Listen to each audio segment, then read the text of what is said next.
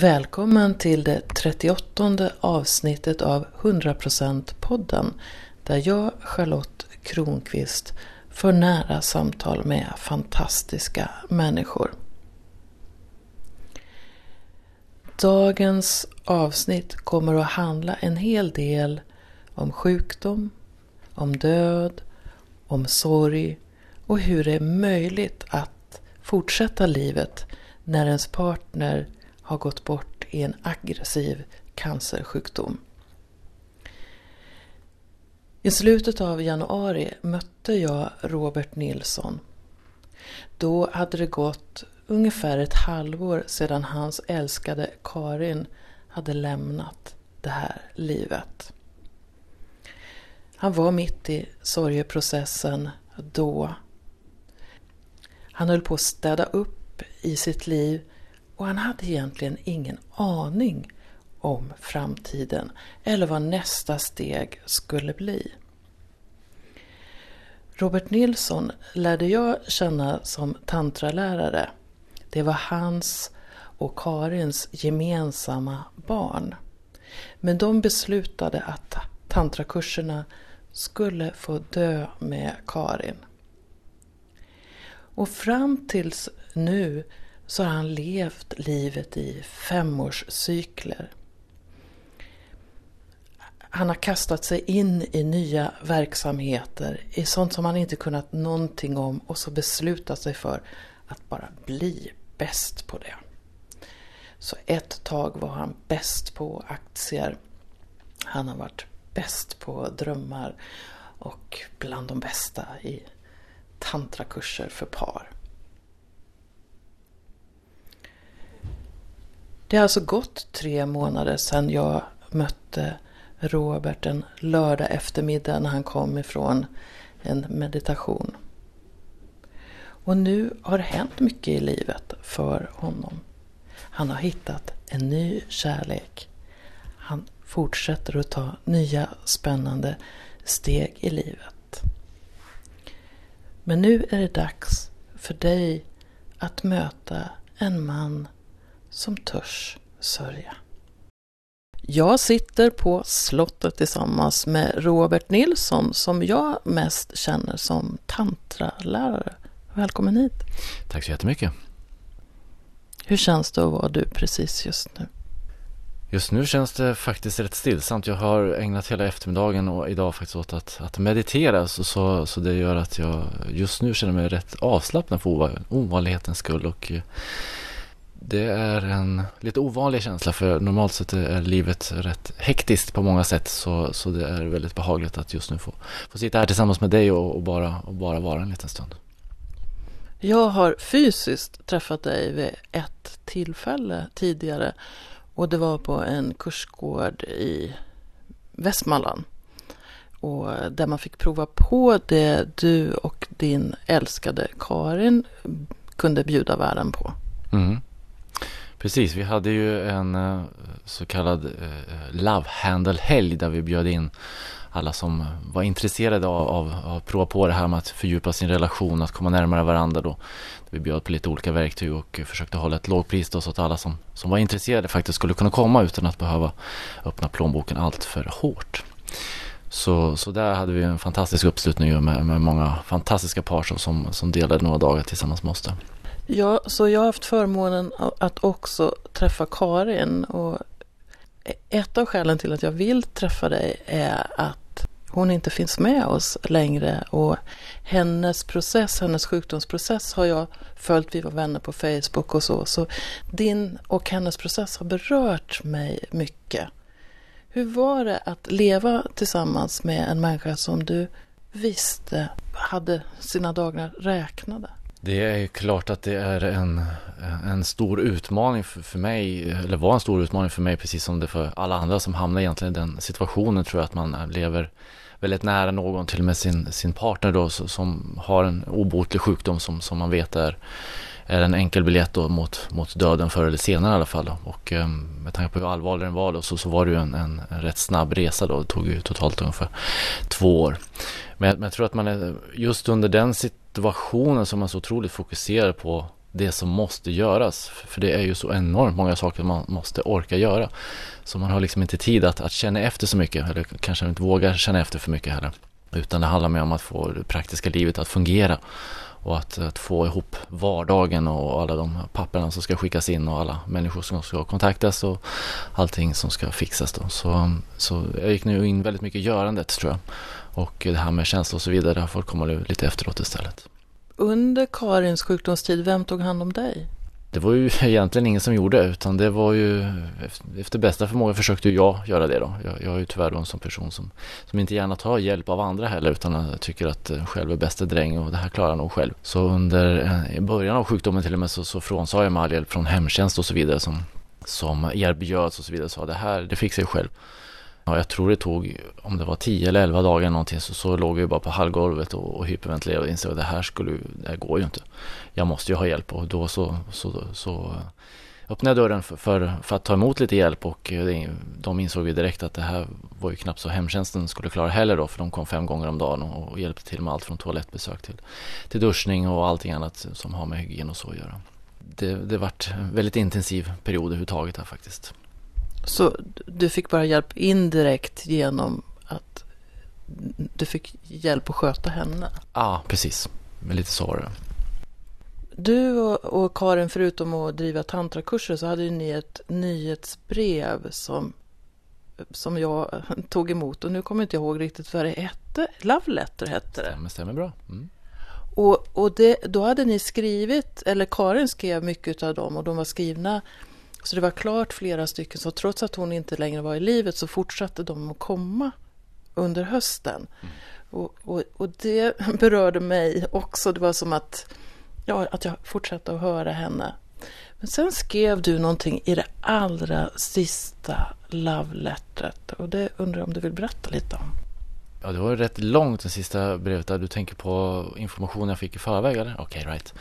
Så, så, så det som jag berättade i, det, det sista labbret efter, efter vi har gett ut det i drygt fem år, nästan sex år, var att jag redan på, på förhand egentligen fick information om hur eh, vår Karins och min relation skulle se ut och eh, också hur den skulle sluta. Eh, under en meditation år 2010 eller 2011 där någonstans så fick jag till mig då att, att, att anledningen till att Karin valt att starta en relation med mig är för att hon vill ha mig vid sin sida när hon om en liten stund eller om ett tag ska, ska lämna jorden.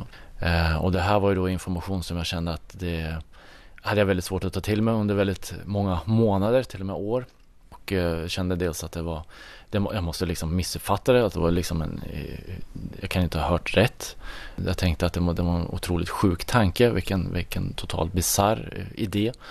Sen när jag då började på något sätt ta in att budskapet kanske skulle kunna vara sant och så, så handlar det för min del mycket om att, att förneka, att, att säga att det här, det här är inte möjligt. I så fall så lämnar jag relationen, i så fall så, så skiter jag i det här. Och, eh, börjar tjafsa emot livet och verkligheten då. Och eh, i de flesta fallen så blir man ju förlorare då om man sitter och börjar, börjar bråka med, med, med, det som är, har jag märkt.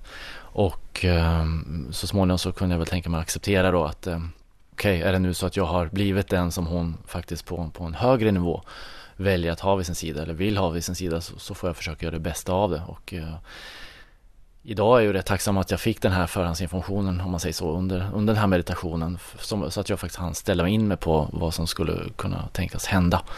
Annars så tror jag att det skulle gått åt mycket sjukdomstid att, att liksom gå igenom den här processen då. Det här att få den där typen utav budskap, valde du att att ta hand om det själv eller var det någon annan som visste om det? Jag tyckte att eh, informationen eh, var alltså, så, så, så bisarr eller troligtvis felaktig eller jag hoppades någonstans att den skulle vara helt felaktig så, så att eh, jag höll den väldigt länge för mig själv. Jag delar med med någon eller några väldigt nära vänner men jag, men jag delar aldrig egentligen med Karin för, för det kändes som onödigt liksom att, att åh, jag har fått information att du ska lämna jorden snart. Det kändes som en helt eh, vansinnig idé att lägga på sin, sin partner. Eh, så den informationen fick hon egentligen först när, när eh, den här hjärntumören då var konstaterad och eh, då berättade jag också för henne att jag, jag har vetat om det här under en tid tillbaka eller, eller vetat om, jag har åtminstone fått information om det här sedan ett, par år tillbaka. Och då valde jag att dela den, den historien med henne då. Vilken respons fick du då? Ja, jag tror att då, då var hon i den, den förnekelsefasen och liksom den här känslan av att ja, det, det kanske kan vara sant men, men nu jobbar vi på här, nu försöker vi bli friska, nu försöker vi liksom ta tag i det här och så vidare. Så det var, in i det sista så var det nog, eller åtminstone de, de första eh, ett och ett halvt åren så var det nog mycket liksom att det handlade om fokus på, i alla fall på att bli frisk och att försöka återhämta sig och att fortsätta livet på något sätt. Sen när hon faktiskt dog, har du fått möjlighet att sörja? Ja, faktiskt. Dels har jag fått eh, stöd av en, en sorgegrupp som jag har deltagit i under hela hösten här 2015 då, efter att hon gick bort den, den 11 augusti 2015. Och, eh, som har varit värdefullt att, att få träffa andra i samma situation då som har också förlorat sin partner. Oftast är ju de lite äldre då. Jag tror att jag sänkte medelåldern med mina 44 år rätt mycket då, men de flesta var någonstans i 80-årsåldern. Och Eh, men likväl jag kan jag ju se att, att har man förlorat sin, sin partner efter 59 år då, så, som en, en kvinna hade där så är det klart att det måste vara en riktigt tuff utmaning att ställa om livet efter det då. Och eh, Karin och jag fick ju sex och ett halvt år tillsammans och bara det var en stor utmaning att, att sörja gå igenom. Och sen har det varit lite kuratorsamtal som har tagit hjälp av och eh, naturligtvis vänner och, och bekanta också som har varit fantastiskt stöd under den här processen och fortfarande är det. Så nu har det gått ungefär ett halvår, så hur, hur mår mår du i sorgprocessen just nu?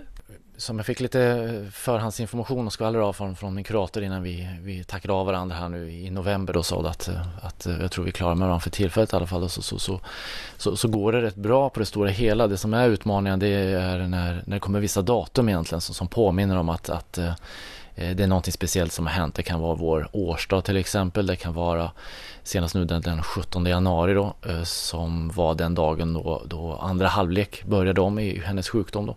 Den andra halvleken som hon förlorade.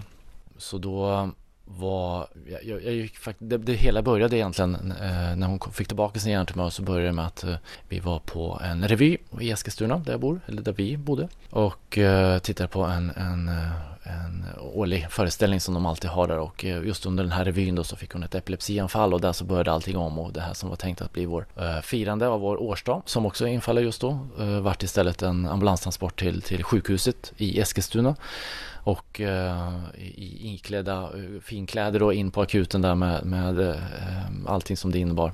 Och konstaterade återigen att tumören kom tillbaka och den var ännu mer aggressiv den här gången och så, så började allting om. Då. Så, så där någonstans den 17 januari är ett litet magiskt datum och där vart det en, en ny utmaning då. Och det jag valde att göra där egentligen är att, att istället för att fly från det hela då så valde jag att göra klart den kväll som vi hade planerat att göra. Eh, vår idé var ju att vi skulle gå på revyn och sen så skulle vi gå och äta på hennes favoritrestaurang och så vi hade pratat om vad vi skulle äta och så vidare. Nu vart det ju som sagt istället för att se klart revyn så fick vi ju ta ambulanstransporten upp. Men i år så köpte jag en biljett. Jag satt på första parkett igen och jag köp, eh, gjorde precis samma sak som vi gjorde. Eh, så i år såg jag klart revyn för, för vår räkning på något sätt och jag gick efteråt till den restaurang vi hade planerat att, att besöka tog in den maten som vi hade pratat om, hennes favorit ingefära te. Eh, och eh, lyckligtvis var det rätt tomt på restaurangen den här kvällen, den här lördagskvällen så jag kunde sitta där tillsammans med, med bilder på henne och liksom få, få sörja på något sätt och se den tomma stolen där det var tänkt att hon skulle sitta och sådär. Så det, så det varit en väldigt stark upplevelse då, men det känns väldigt skönt att på något sätt göra klart den här kvällen då som vi hade sett fram emot att få göra redan förra året. Innebär det för dig en slags läkning att göra en sån här symbolisk, eller vad vi nu ska kalla det för kväll? Jag hoppas och tror det. Alltså, i, det var ju det som är syftet egentligen. Inte egentligen att gotta sig i, i, i ångest eller i sorg utan att egentligen att nu gör vi det här tillsammans hon och jag och nu ska vi liksom, jag, eller jag för min del mycket också processa liksom att nu, okej okay, nu, nu får vi göra klart det här äntligen. Nu får jag göra klart det här som vi, som vi faktiskt sa att vi skulle göra. Så jag hoppas att det blir på något sätt den rörelsen eller den händelsen blir liksom avslutad nu då, så man liksom kan släppa den så att eh, den 17 januari varje år inte innebär en, en ny ångestattack. Du, du har ju många strängar på din lyra och jag vet inte, jag kan ju inte hela ditt, ditt liv. Jag vet att du håller på med drömmar och jag vet att du håller på med pengar på olika sätt. Och sen är du, eller i alla fall varit tantralärare också. Var det någonting som, som, som du började med i och med att ni träffades eller hade du varit intresserad av tantra innan?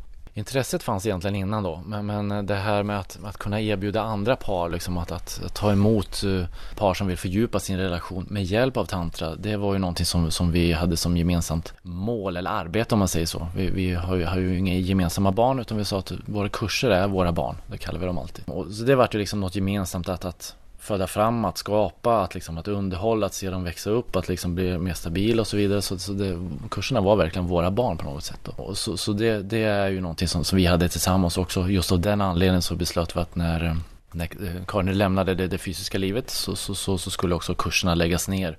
För på något sätt då så var det liksom något som vi har fött fram och någonting som, som också eh, vi lägger ner i samband med att, med att hon lämnar. På den vägen är det egentligen. Skulle det kunna hända att livet någon gång igen säger du ska syssla med kärlek på något sätt? Det är jag helt övertygad om. Och framförallt har jag varit lärare i olika konstellationer ända sedan jag var 12 år egentligen och hade datakurser på, på 80-talet med, för dagiselever. Så det har alltid varit lärare, alltså datalärare, gymnasielärare, eh, kursledare på olika sätt, både i drömmar precis som du nämnde och även tanter då, så det har varit alla möjliga sammanhang men av någon anledning så hamnar jag alltid längst fram i klassrummet och eh, ska stå där och eh, så, så säkert kommer det på något sätt att fortsätta förgylla mitt liv för jag älskar att, att få dela med mig av det som jag tycker är viktigt då, till de som, som vill lyssna. Ja, det där med att vilja berätta för andra. Var du sån som pojke redan? Egentligen inte. Alltså själv, jag, alltså, jag hatar egentligen en stor fokus med mig själv. Men däremot av den kunskapen jag har då som, som jag gärna förmedlar vidare och har jag alltid varit viktig på något sätt. Och så liksom har jag varit väldigt intresserad av datorer och så har jag eh, av någon anledning hamnat som sagt vid fokus då för att lära dagisbarn datorer redan på 80-talet. Det var långt innan jag kunde stava till något som heter internet och mail och så vidare. Så det här var ju väldigt tidigt då. Så, så den rollen eh, trivs jag i och, och eh, gärna upptar det igen. Så att, men det låter som att det finns en liten, vad ska man säga, eh, motvillighet. Att det handlar inte om att du ska synas utan mer om att du är bra på att förmedla någonting.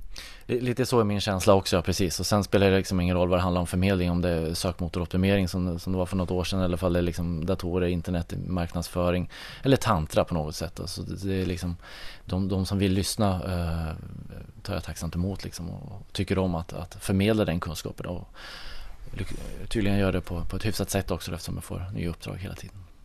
Ödmjuk? Jag hoppas det. Jag tänker att du, du spänner ju över ganska breda fält. Människor har ju en, eller ofta så vill vi facka in människor och tänka så här, han är tantraläraren, eller han är börsmäklaren, eller han, han är drömtydaren, eller han är ja, Eskilstunabon eller vad det nu kan vara för någonting. Och, och så är du så, så många olika saker. Det här mångsyssleriet eller vad vi ska säga, vad, vad, vad säger det om dig?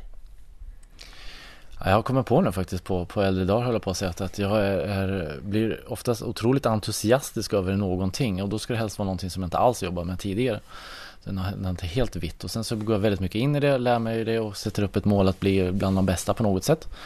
Eh, och sen efter ungefär fem år då är jag jättetrött på det och sen så vill jag inte hålla på med längre och så börjar man något helt annat igen. Och sen håller det på så här i femårscykler då. Så därför är det nu vid 44 års ålder så har jag liksom kört ett par femårscykler och då blir det just det här med allt från börsanalytiker till drömterapeut till tantralärare. Det är liksom vitt skilda grejer just för att eh, det handlar oftast om människor, det handlar oftast om kommunikation på något sätt. Men, men annars så är det väldigt eh, spritt. Då. Så det finns en vinnarskalle mm. i dig. Och finns det någonting otåligt också? Ja det gör det ju absolut. Alltså det blir det, får, jag inte vara kreativ egentligen hela tiden så blir jag, blir jag oftast väldigt uttråkad och känner en stor tristess då. Så det, det är ju egentligen min utmaning då. För jag älskar att vara kreativ och hitta på nya saker och helst ska jag inte kunna någonting från början och sen liksom sätta upp ett högt mål då. Så, så 1994 till exempel så, så gick jag in på banken i Eskilstuna och skulle öppna sparkonto. De sa du ska inte ha sparkonto för det är mycket bättre att placera pengar i aktier för, för, för det kan ge bättre avkastning på sikt. Eh, och då någonstans så hörde jag min mors röst i, bakhuvudet som sa att aktier ska man inte eh, ge sig in i för då kan man förlora alla pengar.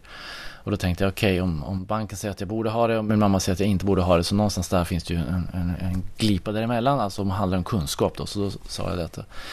Okej, okay, jag köper de här fonderna men då, då ska jag också lära mig det här med aktier och förstå vad det egentligen handlar om, hur det fungerar.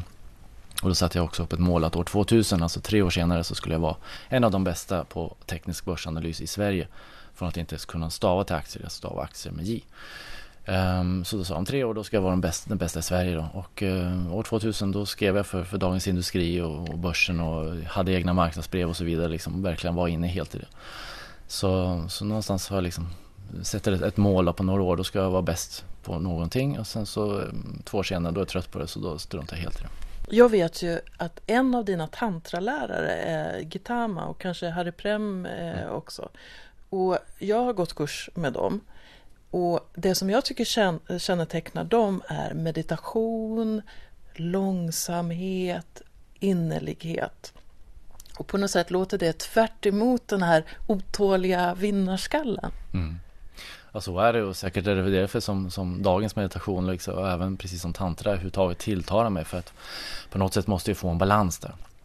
Jag tycker som sagt var väldigt mycket om att vara kreativ och så vidare men min kropp är inte lika förtjust i att hålla på 24 timmar om dygnet med att skapa grejer och hela tiden vara i processen av att lära, hela tiden processen av att göra utan någonstans måste jag hitta ett ställe att vara också och just där så har ju meditationen som tantra en, en del av som jag ser en viktig roll att spela, att, att liksom komma in i mer i varandet för annars förstör jag mitt, mig själv och min kropp och mitt liv genom att hela tiden göra saker och hela tiden prestera bättre och bättre.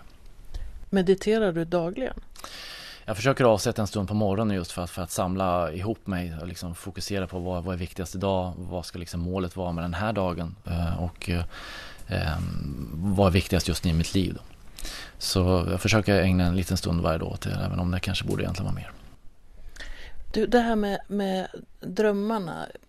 När jag var där i, i, i Västmanland, eller ja, på den här kursgården. Mm. Jag kom Änglagård. Änglagård, ja. Änglagård. Mm.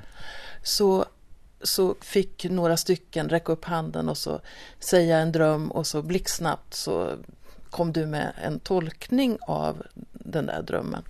Och då, jag kan inte så mycket om drömtydning. Ehm, det finns ju böcker och allt möjligt om och så. Men var hämtar du svaren? Ja, det bästa egentligen med att vara drömterapeut är att man inte behöver kunna någonting. För, för, för det hela handlar egentligen om att, att, hjälpa drömmaren att berätta om vad drömmen betyder. Så det handlar mer om att veta vilka frågor man ska ställa och i vilket sammanhang man ska, man ska ställa dem. Eh, mer än egentligen att jag ska ha massa kunskap och allting. För, för hur mycket jag än lär mig så är alla drömmar och alla drömmar unika. Om jag till exempel tycker att hundar är det bästa som finns, det är liksom människans bästa vän. Liksom, som jag två år så har jag haft hundar, så det betyder allt för mig.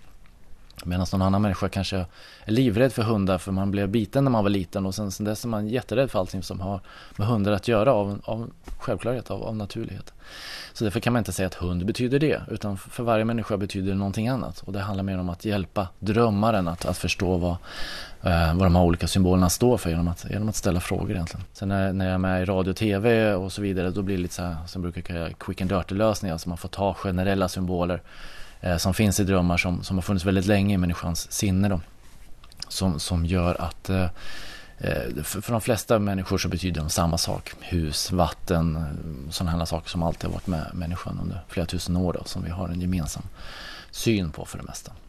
Jag tänker att vi, att vi lever i en tid där en del, vänta hur ska jag säga det här?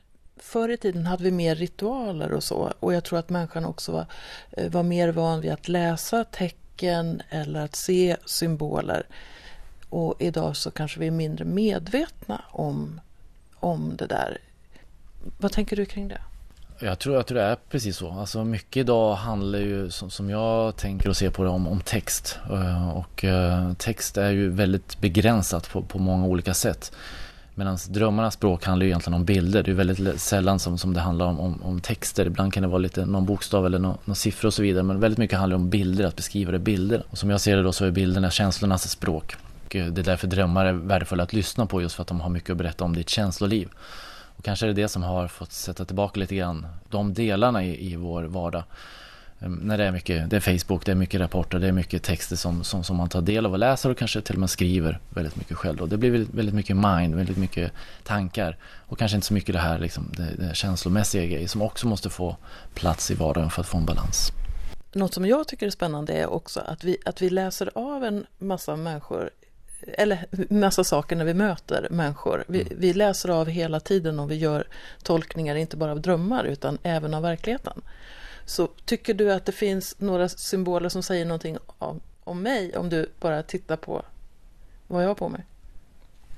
Oj, jag brukar vara helt värdelös på att, på att bedöma folk. Om någon frågar mig, jag kommer ihåg hon då, hon som hade kort parsfrisyr, lite mörk hår. Jag, jag, har ingen aning för, för jag tittar nästan aldrig på, på, på människors utseende. Så jag tänkte mer på, inte på utseende. Jag ja. tänkte till exempel att du har det här halsbandet. Ja, Ja, för, för, för mig säger du egentligen ingenting för jag försöker vara så neutral som möjligt mot, mot alla symboler för att, för att istället lyssna in vad betyder det för dig? Alltså vad, vad har du i, eh, varit med om det? Vad, vad säger den här symbolen dig då? Istället för att köra några generella saker. Oh.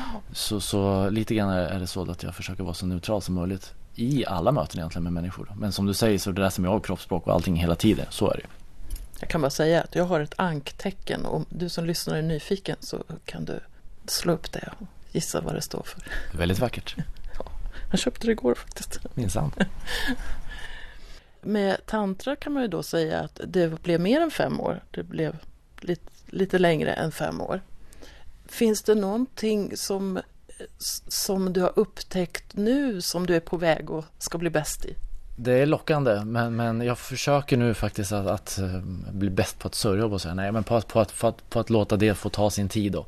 Alltså någonstans så, så tror jag att, att eh, det tar lite tid det här med, med, att sörja, att få gå igenom allting vad som har hänt och som vi pratade om tidigare så har liksom inte funnits space egentligen att, att vara så mycket ledsen utan det liksom handlar om att få, få in papperna till Försäkringskassan istället och att liksom kryssa i rätt ruta här då så, så att det, man får ersättning för olika saker.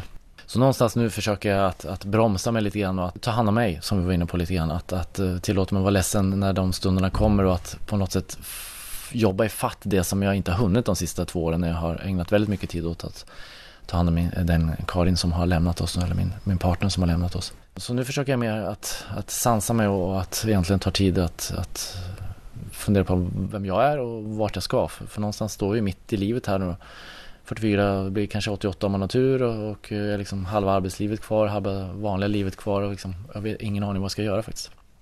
Så det är en otroligt spännande situation att eh, känna sig rätt fri och att inte vara bunden på något sätt och att, att skapa någonting helt nytt. Men vad det blir har jag faktiskt ingen aning om. Utan just nu så ägnar jag åt att städa mig själv och att städa eh, mina känslor och också att städa hemma egentligen. Att, att röja ut allt gammalt och att kasta allting lite grann som, som Karin ägnar sig åt. Att, att, att dödsstäda då, att eh, städa så mycket som möjligt så att inte hennes barn och jag skulle behöva eh, ägna så mycket tid och energi åt att städa efter henne. Så det gjorde hon själv. När hon var klar med det så planerade hon sin egen begravning och allting som skulle vara där. Så hon förberedde väldigt mycket då. Och de fotspåren tänker jag gå lite grann också nu.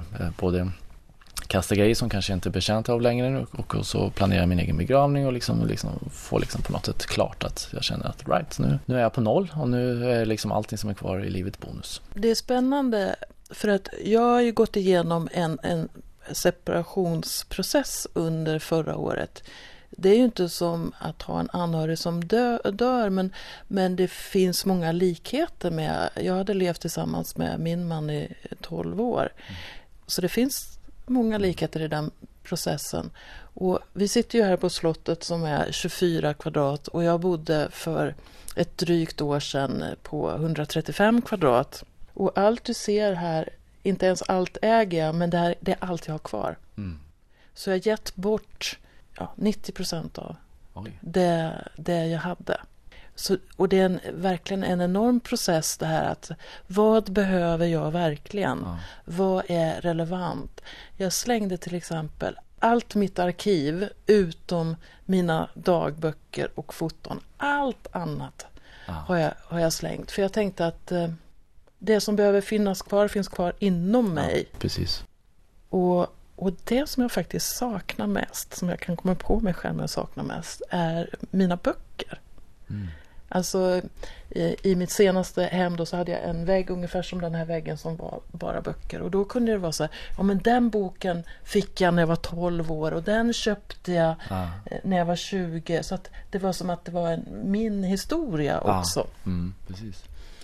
Det som har hänt mig det är att det känns så mycket lättare nu, livet. Alltså det, det är som att även tingen har en, en tyngd också. Kan, kan du känna igen, även om du är, inte har gjort hela den här processen, kan du känna igen någonting i det? Absolut, jag tror det är lite grann som jag, som jag strävar efter också, att, att få eh, att, att, få en ännu större frihet och luft eller någonting. Nu, nu kan jag inte så mycket om feng shui och sådana saker men, men det sägs så liksom att även om grejerna ligger i ett förråd eller någonting sånt så tar det ändå energi från det för det ska på något sätt underhållas och bevakas och man kan vara orolig för att det blir fuktskadat eller inbrott eller någonting. Alltså, ju mer prylar man har ju mer eh, låst är det ju och ju mindre frihet kanske du upplever. Då. Så, så någonstans är ju förhoppningen också att kanske att göra sig av med saker som inte längre är mig betjänta och, och därmed också få en större frihet att kanske öppna nya dörrar, nya vägar istället som kan leda någon annanstans. Spännande. Alltså det är kanske är läskigt men det, det låter ju också spännande att, mm. att göra rent hus eller hur mm. man ska säga. Ja, verkligen. Jag frågade dig när du kom här om du alltid har bott i Eskilstuna. Och då lät det som att, ja, kommer du fortsätta att vara där tror du?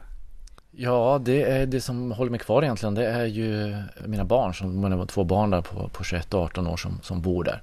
Eh, annars finns det egentligen ingenting som binder mig till det heller. För, för mitt jobb som jag har idag jobbar jag eh, mycket med internet. Vilket gör att jag kan egentligen sitta på andra sidan av jordklotet. Bara jag har en, en dator och en internetuppkoppling så kan jag sköta mitt jobb. Så det, så det är ingenting som binder mig där liksom att jag måste gå till en arbetsplats varje måndag.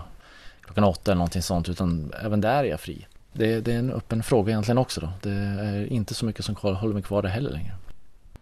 Du har ju nu erfarenhet av djup sorg och att, att, förlora den vuxna person som du älskar mest. Vad skulle du vilja säga till, eh, till en person som har någon anhörig som är Eh, sjuk eller som är, som är rädd för det? Alltså det, det, först när jag hamnade i den situationen själv så insåg jag vilket enormt jobb som alla anhöriga gör. Alltså som är, de har min fulla respekt alltså för alla de som sliter år efter år nu hade jag en hyfsat kort tid på två år. Jag vet ju att det är många som sliter väldigt, väldigt många år mer än så. Både med sin partner och kanske med, med ett sjukt barn på något sätt. Alltså. Och det är ju, det är en, de har min största respekt alltså för det är ett enormt värdefullt och kärleksfullt jobb som de gör. Alltså det är väldigt imponerande. Så det är svårt att ge några generella tips kanske eller råd så men, men, men som sagt var bara ett, ett uttryck egentligen för, för, för det enorma jobb de gör och veta att det är väldigt värdefullt. Jag har en, en nära vän, eller två nära vänner som startade en, en sajt som heter Cancerkompisar som handlar just om anhöriga och dit, dit kan eh, anhöriga till, till personer med cancer vända sig för att hitta en kompis som är i samma situation. Och då kan det vara till exempel så att det är någon som är, som är deras partner är sjuk. Mm. Och då kan man träffa någon som är i samma situation eller, eller att det är ens barn som är sjuk eller föräldrar. Så att man, man, man för ihop personer som där man kan säga allt. Där man kan dela det som kan kännas konstigt att säga eller kanske till och med förbjudet att säga. Hur tycker du det, det projektet låter? Jag tycker det låter helt genialt. För, för ofta så behövs det inte en massa mm, proffs under hela vägen och så vidare. Så bara att få, att få någon att bolla idéer med eh, är otroligt värdefullt oftast, eller åtminstone jag omgav mig med fantastiskt många fina människor som, som hjälpte till med allting från att komma med mat till, till att liksom skicka kärlek och, och, och, blommor och så vidare. Det var jättefint. Och, eh, många säger att det är svårt att veta vad man ska säga, någonting och så vidare. Men oftast är det liksom bara en, en hälsning och någon, en tanke som, som räcker väldigt långt. Men jag inser också nu eh, när jag har varit och gjort hela den här resan egentligen att de som har haft mest att komma med och de som har haft eh, sagt rätt saker eller vad man ska säga. Då. Eh, det som har betytt mest, även om det har varit få ord så har det betytt mest. Det är de som har varit i samma situation själv. Så har man förlorat en partner till exempel eller har en sjuk partner då, då vet man liksom vad det handlar om. Då vet man vad man bör säga och inte säga kanske. Så, så jag tycker det låter som en väldigt god idé att dela eh, de här grejerna med sina tankar och känslor och så vidare med någon som är, har varit eller är i samma situation just för att, för att någonstans där finns det ett samförstånd och att verkligen mötas på, på en nivå som kanske är svårt att göra för en utomstående som inte har varit med i, i den här situationen. Så himla mysigt att ha dig här i soffan, Robert. Och innan vi började så sa du så här, du är så van att leverera snabba svar och så. Men nu har vi faktiskt pratat i 35 minuter. Hur känns det nu? Ja, det är fantastiskt och det är, det är skönt också som sagt var jag är van vid tv och radio där det oftast väldigt snabba puckar det ska levereras på, på några sekunder ska man liksom ha fått ut sitt svar och eh, prata om något helt annat istället. Så det är väldigt behagligt att, att, få, för att få sitta här tillsammans med dig istället och att få prata på ett helt annat sätt. Eh, det känns mer givande så det var fantastiskt att få vara här. Spännande det där med att en cancerkompis kan vara så viktig för en anhörig till en cancersjuk person. Och om du blir nyfiken på det så kan du söka på cancerkompisar.se. det var härligt att möta Robert Nilsson där i januari och få prata om sorg. Inte minst för att jag själv gått igenom en liknande sorgeprocess, även om det i mitt fall handlade om en skilsmässa. Och jag är säker på att Robert Nilsson kommer att dyka upp i många spännande sammanhang i framtiden. Han är ju en vinnarskalle.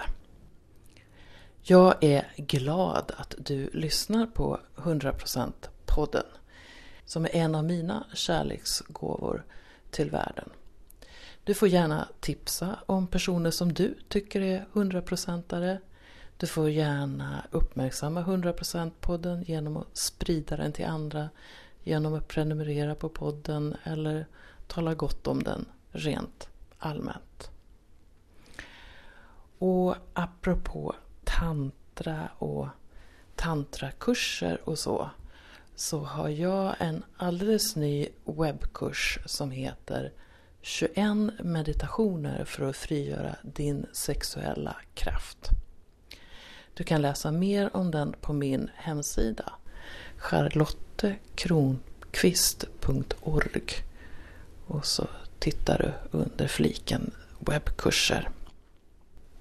Men det viktigaste av allt just nu är att du känner dig själv. Så lägg gärna en hand på ditt hjärta. Ta ett djupt andetag. Och känn din närvaro.